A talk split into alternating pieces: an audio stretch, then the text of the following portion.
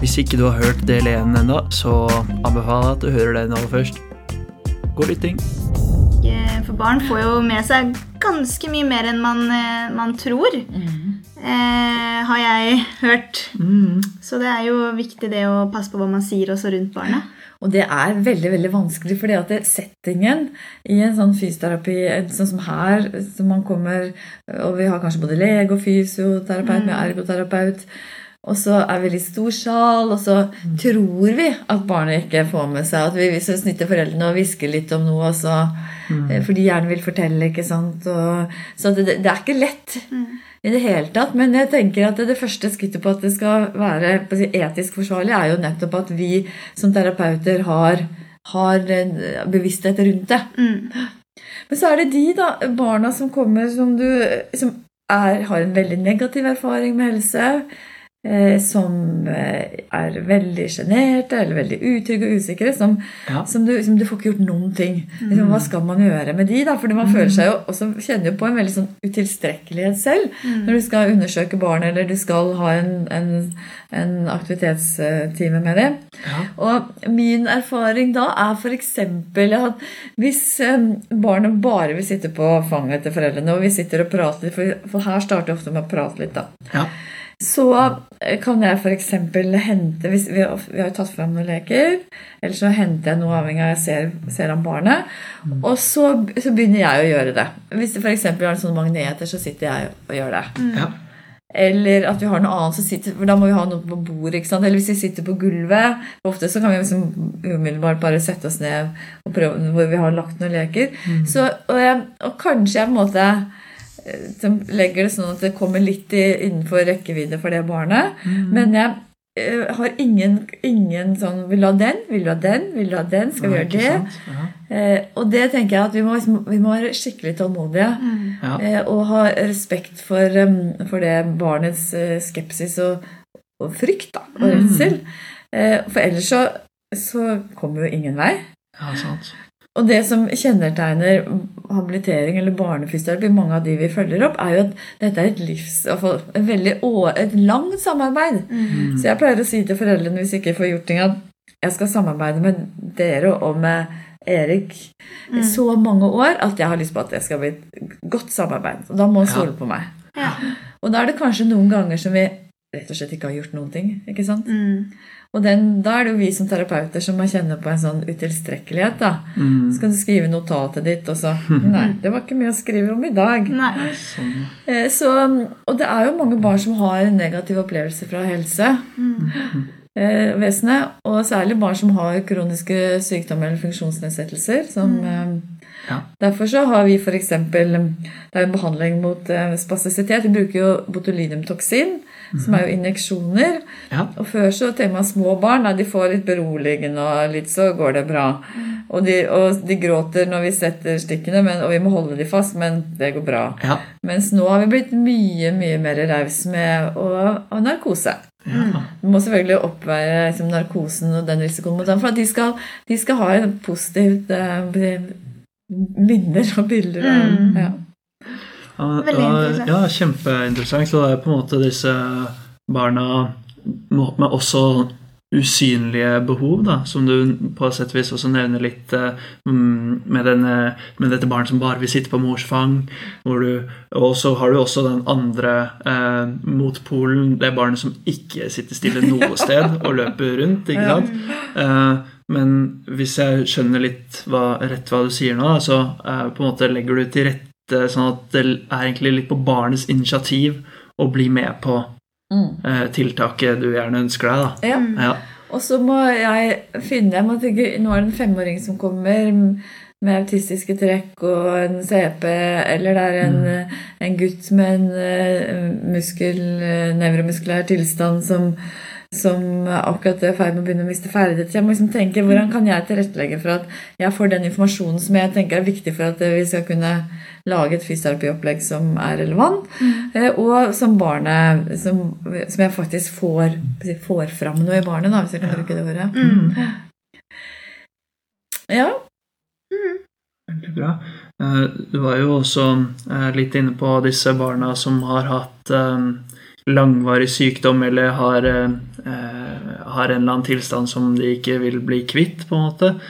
Eh, og hvis, hvis man har vært eh, f.eks. Eh, la oss si alvorlig syk i en del av barndomsårene. og hva, hva, gjør dette med leken til disse barna? Har du noen uh, sånn erfaring på det, eller? Ja, altså det er jo litt typisk f.eks. barn som har vært under langvarig kreftbehandling. Mm -hmm. uh, og det, det, vi ser, da, er jo at en del kan på en måte ha gått glipp av disse vinduene for å lære seg ferdigheter. Og én ting er de motoriske ferdighetene, for det, på en måte er, det kan man på en måte ta igjen. Ja. Men eh, jeg har fått veldig sånn aha på dette med å lære seg samspillet. Leken i et samspill. Ja. Eh, og, og, det å og det, liksom, ha vært nok sammen med andre barn. Mm. Eh, og, og liksom, lært seg alle de kodene og alt det som hører til der, mm. som også som også måtte, omfatter motoriske ferdigheter. Da. Eh, og det som du nevnte om at vi eh, Skal vi ta barnet ut liksom, av settingen for mm. å trene? Og, og, det er jo I det lange løp så er det veldig altså, Det er lite hensiktsmessig, men så er det jo noen barn som må ha det så skjermet rundt seg at man mm. må, må ta ut. Mm. Men det å lære det å være i et fellesskap, det er eh, Det, det, det må, kan ikke vi tillate oss å måtte frarøve barnet. Mm. Og da må vi på en måte gi slipp på litt av våre fysioterapeutiske eh, prinsipper, da. Mm. Veldig Absolutt. Ja. ja. Um, før vi tuna inn her, så snakket vi litt om uh, hun Adolfs, uh, en forsker, eller som, forsker, som har forsket på eller forskningen henne viser til det med eh, lære å lære, den prosessen der. Har du lyst til å snakke litt om det, Nina? Ja. Eh, lære å lære er jo superrelevant nettopp for de barna som har, har store funksjonsnedsettelser. Mm. Eh, og, og, da må vi jo Det er sånn som det eksempelet med han som ikke kunne ta lek til munnen. ikke sant? Ja. Eh, han, hvis han aldri har erfart å ta hånden til munnen, mm. så vil jo ikke han plutselig hvis, La oss si at vi hadde, eh, han hadde fått eh, spastisitetsdempende behandling, så han kunne liksom begynne å gjøre den bevegelsen, så vil jo ikke han vite at det, Da er det på en måte speilet, eller vinduet på en måte litt ja. Eh, gone. Ja. Men eh, vi, barn skal lære å lære, og barn skal lære å feile. Eh, og, altså prøve å feile. Og, og det det viser jo hun Karen Adolf har jo mye interessant forskning om det. Og, mm. og det ligger jo mange veldig lærerike eh, videoer på hvis man bare søker på YouTube av mm. Karen Adolf.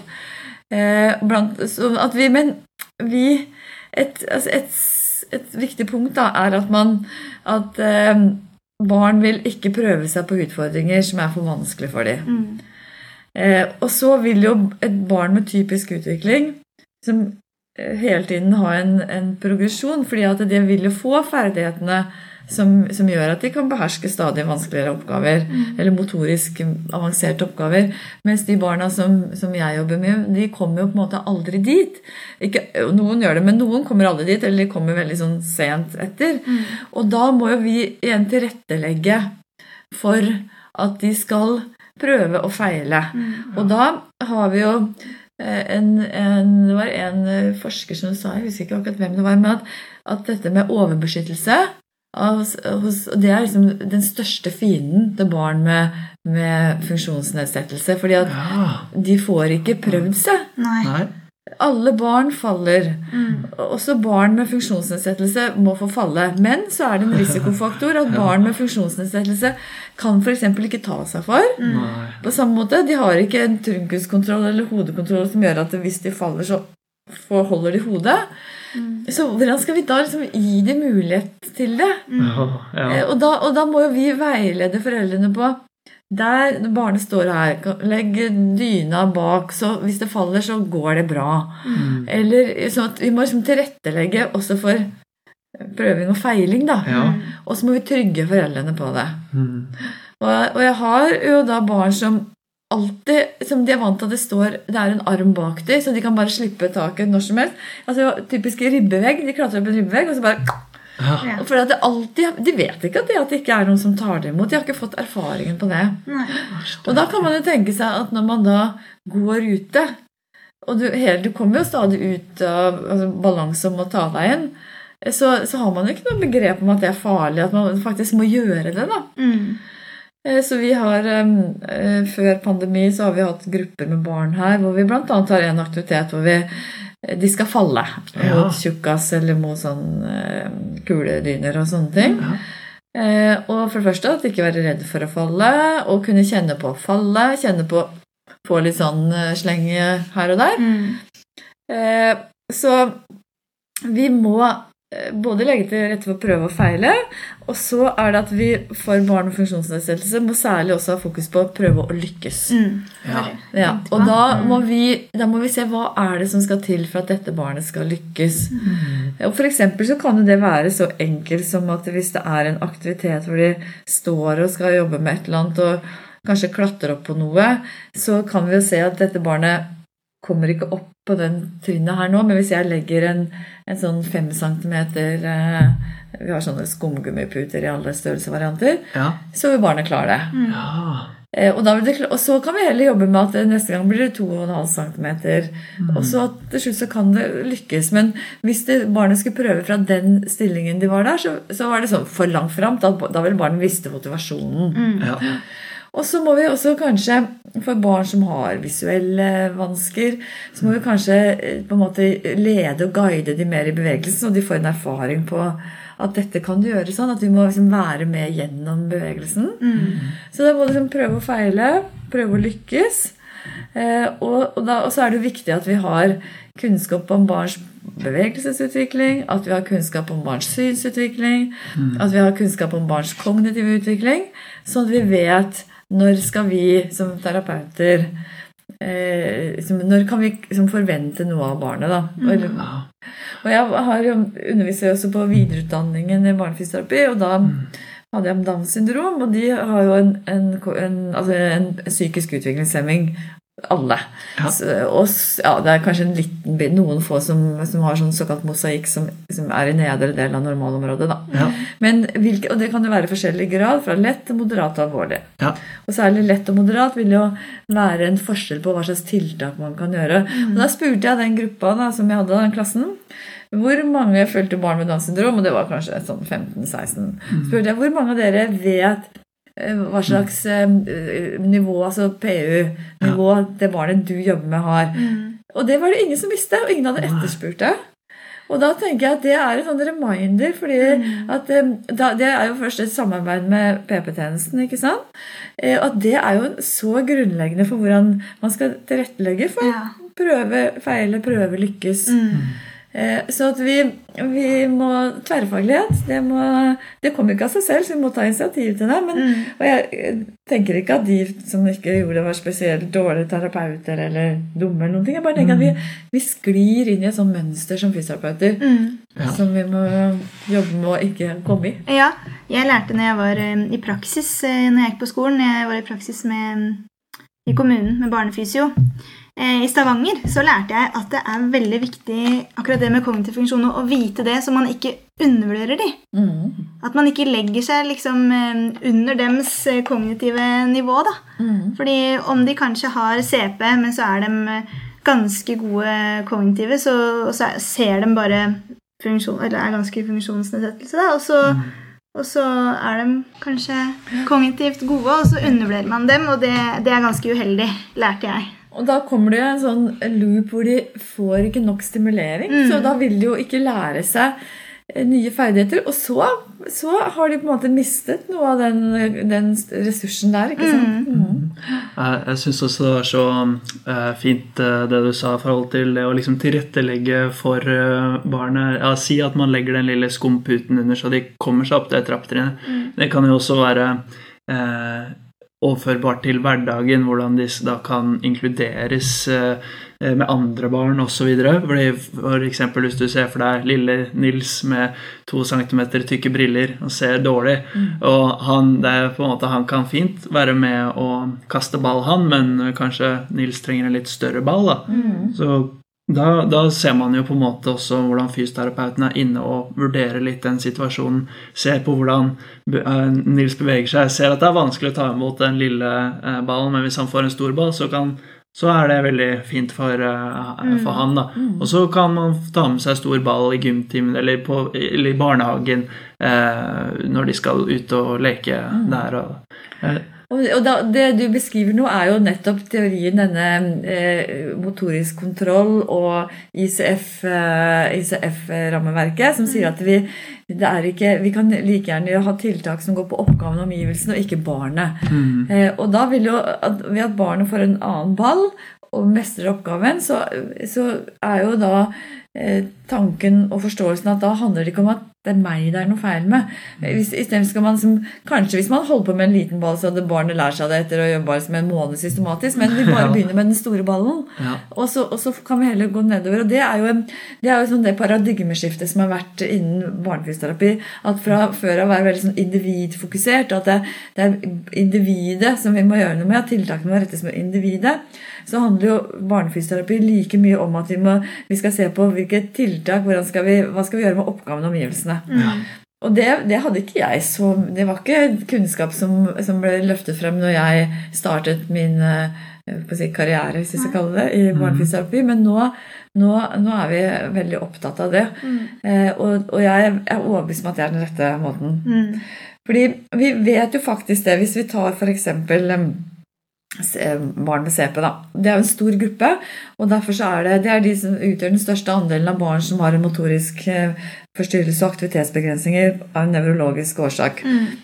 Eh, så vet vi i dag at eh, når de er sånn 8-9-10-årsalderen, så er det en veldig sånn, deprimerende og trist fakta er at barn, den, ja, når de kommer til sånn mellomtrinnet, så er det to tredjedeler som strever med sosiale relasjoner, og som har diagnoser knytta altså, til psykiske, psykiske, vansker.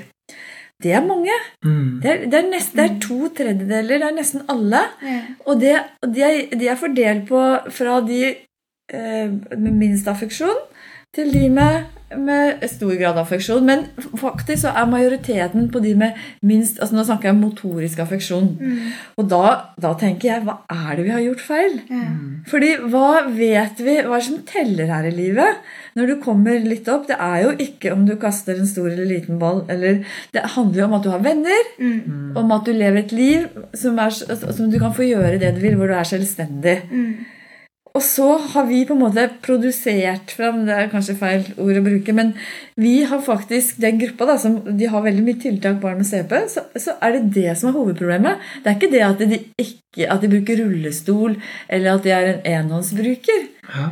Eh, og hvis du spør foreldre når de liksom får liksom, Eller jeg har jo barn. Hva er det viktigste for meg som mamma?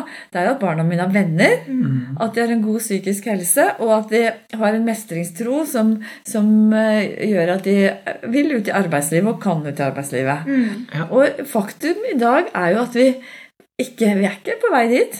Mm. Eh, og det, derfor tenker jeg at vi som fysioterapeuter må begynne å tenke på det med en gang. Ja. Eh, sånn at eh, liksom, hva, er for, hva, er viktig for, dette barnet? Hva er viktig for treåringen? Jo, det er lekekompetanse. Eh, og for at det er den på en måte første veien til de sosiale relasjonene. og da må vi liksom, se hvordan, kan, hvordan skal dette barnets for det skal jo også ha oppfølging. Vi skal unngå komplikasjoner som kontrakturer. Vi skal lære de å, å gå hvis vi ser at det er, et, mm. Eh, er, mulig. Men vi må se hvordan skal det se ut. Hvilken setting, hvordan skal det gjennomføres. Mm. Og for barn for eksempel, som jeg hadde en gutt nå som um, begynner på skolen, som er en eh, Han har noe sånn stå- og gå-funksjon, men han, han, kommer aldri til å bli noen gåer. Han, han, kommer til å bruke rullestol. Ja. Og foreldrene har vært veldig opptatt av å, at han skal gå, og det, det, det, er, det er, veldig, sånn, veldig naturlig at man tenker på det. Og så tenker jeg, og så snakket jeg om foreldre når han begynner på skolen nå, Hva skal til for at han har lyst til å være med noen hjem? Andre hjem? Og at han tør det. Ja. Eh, jo, f.eks. at han kan gå på do aleine. Mm. At ikke han må spørre mammaen i det huset eller pappaen eller storebroren kan du hjelpe meg på do og ta av ned buksa. Ja. Mm. For at hvis du har, hvis, med de vanskene, så vil du kanskje, da, da blir du ikke med noen hjem. Nei. Og du vil ikke ha noen hjem med deg, for da tenker de at han kan ikke gå på do alene. Så at da må vi liksom tenke, hvis vi tidlig kan liksom si at nå jobber vi mot det, at vi skal liksom få sånn at han er trygg på å være med noen hjem. F.eks. barn som trenger å løftes og liksom, hjelp i allforflytning. Mm. Da må man være trygg. Så da må vi lære han at du kan bli løfta av den, og du kan bli løfta av den, og det går bra. Du kan, holde, du kan si, så vi må faktisk lære barnet når, når, du skal hjelpe meg over, så må du holde der, eller du må gjøre det. Mm. Og det er en del av habilitering. Og mm. nettopp det med selvstendighet og deltakelse. Mm. Veldig lærerikt. Ja, det er et godt poeng. Ja. Det, tar på en måte et skritt eh, videre for barna. Det handler ikke bare om uh, hva barnet gjør her og nå i klinikken, men det handler om hvordan du kan egentlig prøve å implementere det her inn i livet til barnet. Mm. Og nettopp når mandatet vårt er, som jeg må bare komme tilbake til, mm, mm. mandatet vårt er at vi skal bidra til Størst grad av selvstendighet og mm. mestringsevne ja. på barnets premisser. Og det, det, kan jo bli litt borti som når du står i en sånn fysiosession, og, og, her er barnet litt stram i ankelen, eller eh, nå må vi passe på at eh, bekkenet har sittet altså, Vi må bare sånn, la, se det store løpet. Ja. Særlig når vi mm. har den kunnskapen vi har nå om barns helse. Mm. Mm. Viktig å tenke på. Det er kjempeinteressant å høre en som har så mye erfaring med barnefysioterapi som deg, Nina. Eh, det er, føler virkelig jeg liksom har lært mye om Eller jeg har tenkt på ting jeg aldri har tenkt på med barnefysioterapien etter, etter å ha fått snakke med deg på denne podkastepisoden. Nå er det jo dessverre sånn at eh, episoden må ta slutt en gang, og eh, så er det ofte sånn at vi spør om du har noe lenker eller litteratur som engasjerte lyttere kan få liksom, lære enda mer på. Fordi vi lager et innlegg på fysi.no. Eh, der det vil være en post eh, til denne podkasten, det er bilde av oss og en liten beskrivelse til episoden, også eventuelt lenker og litteratur. Har du noe for den engasjerte lytteren eh, der hjemme? Det er jo et hav av referanselitteratur, og vi lever jo i en verden som er så veldig Det blir jo så tilgjengelig for oss, og det gjelder en måte å holde, klare å finne fram. Men altså, i forhold til norske innlegg, så hadde jo Fysioterapeuten, tidsskriftet, et um, temanummer i 2017, september 9-2017, som handlet om fysioterapi i barn, som, som, var veldig, som er relevant, selv om det nå er noen år siden. Eh, vi kan jo også Disse Karen Adolf-filmene ja, er aktuelt. Og så fins det faktisk også for de som har lyst til å måte, bryne seg litt på motorisk utvikling og lære oss å se forskjellen på, på hva er typisk og hva er atypisk. Eh, så er det, det faktisk noen gode filmer fra USA det også, som heter Marty og Owen, to gutter, mm. som er eh, like gamle. Det er babyer, dette er fra ja. opptil ett år, eller åtte måneder kanskje. Eh, hvor man ser på um, hva, Hvordan ser det ut for et typisk barn når det ligger på magen når det er sex? Altså barn med typisk utvikler. Mm. Når det ligger på magen, når det sitter, når det holder seg stående, versus et barn som har en atypisk utvikling. Og de er veldig lærerike. Eh, lærerike filmer. Og, mm. og eh, jeg bruker de Noen ganger så må jeg kalibrere meg litt. Jeg må tenke hva er egentlig For jeg ser jo her så er det jo en siling. De barna som henvises til habiliteringssenter, de er det jo stort sett noe med. Sånn at jeg må noen ganger så må jeg liksom kalibrere meg på hva er normal, normalen. Mm. Eh, og de filmene er ganske gode på å vise hva som er hva er det typiske, og hva er det atypiske? Mm. Eh, det, og det er beskrevet i tekst, så det, det kan vi, den lenken kan jeg formidle til dere. Ja. Kjempebra. Det hørtes jo superrelevant ut ja. for de som interesserer seg for barnefysioterapi.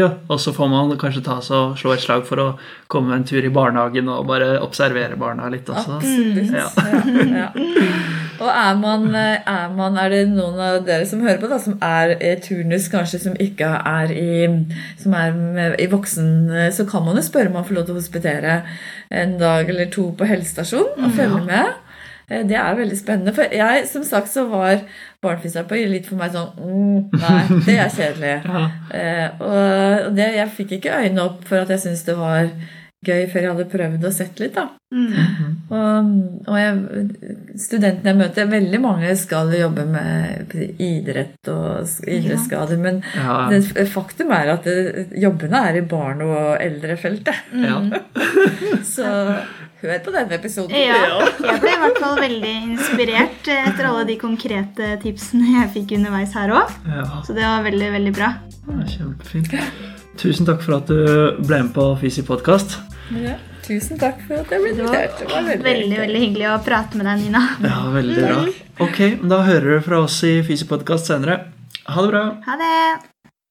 Takk for at du hørte på Fysi-podkast. Håper du likte denne episoden. Følg oss gjerne på Facebook og Instagram. Der har vi ukentlig quiz og deler relevant fagstoff. Vi selger T-skjorter og annet merch på fysi.no. Vi har mange planer og mål, og omsetningen av merch skal vi bruke til videre prosjekter og kunnskapsformidling. Husk å abonnere og rate podkasten, slik at vi når ut til flere.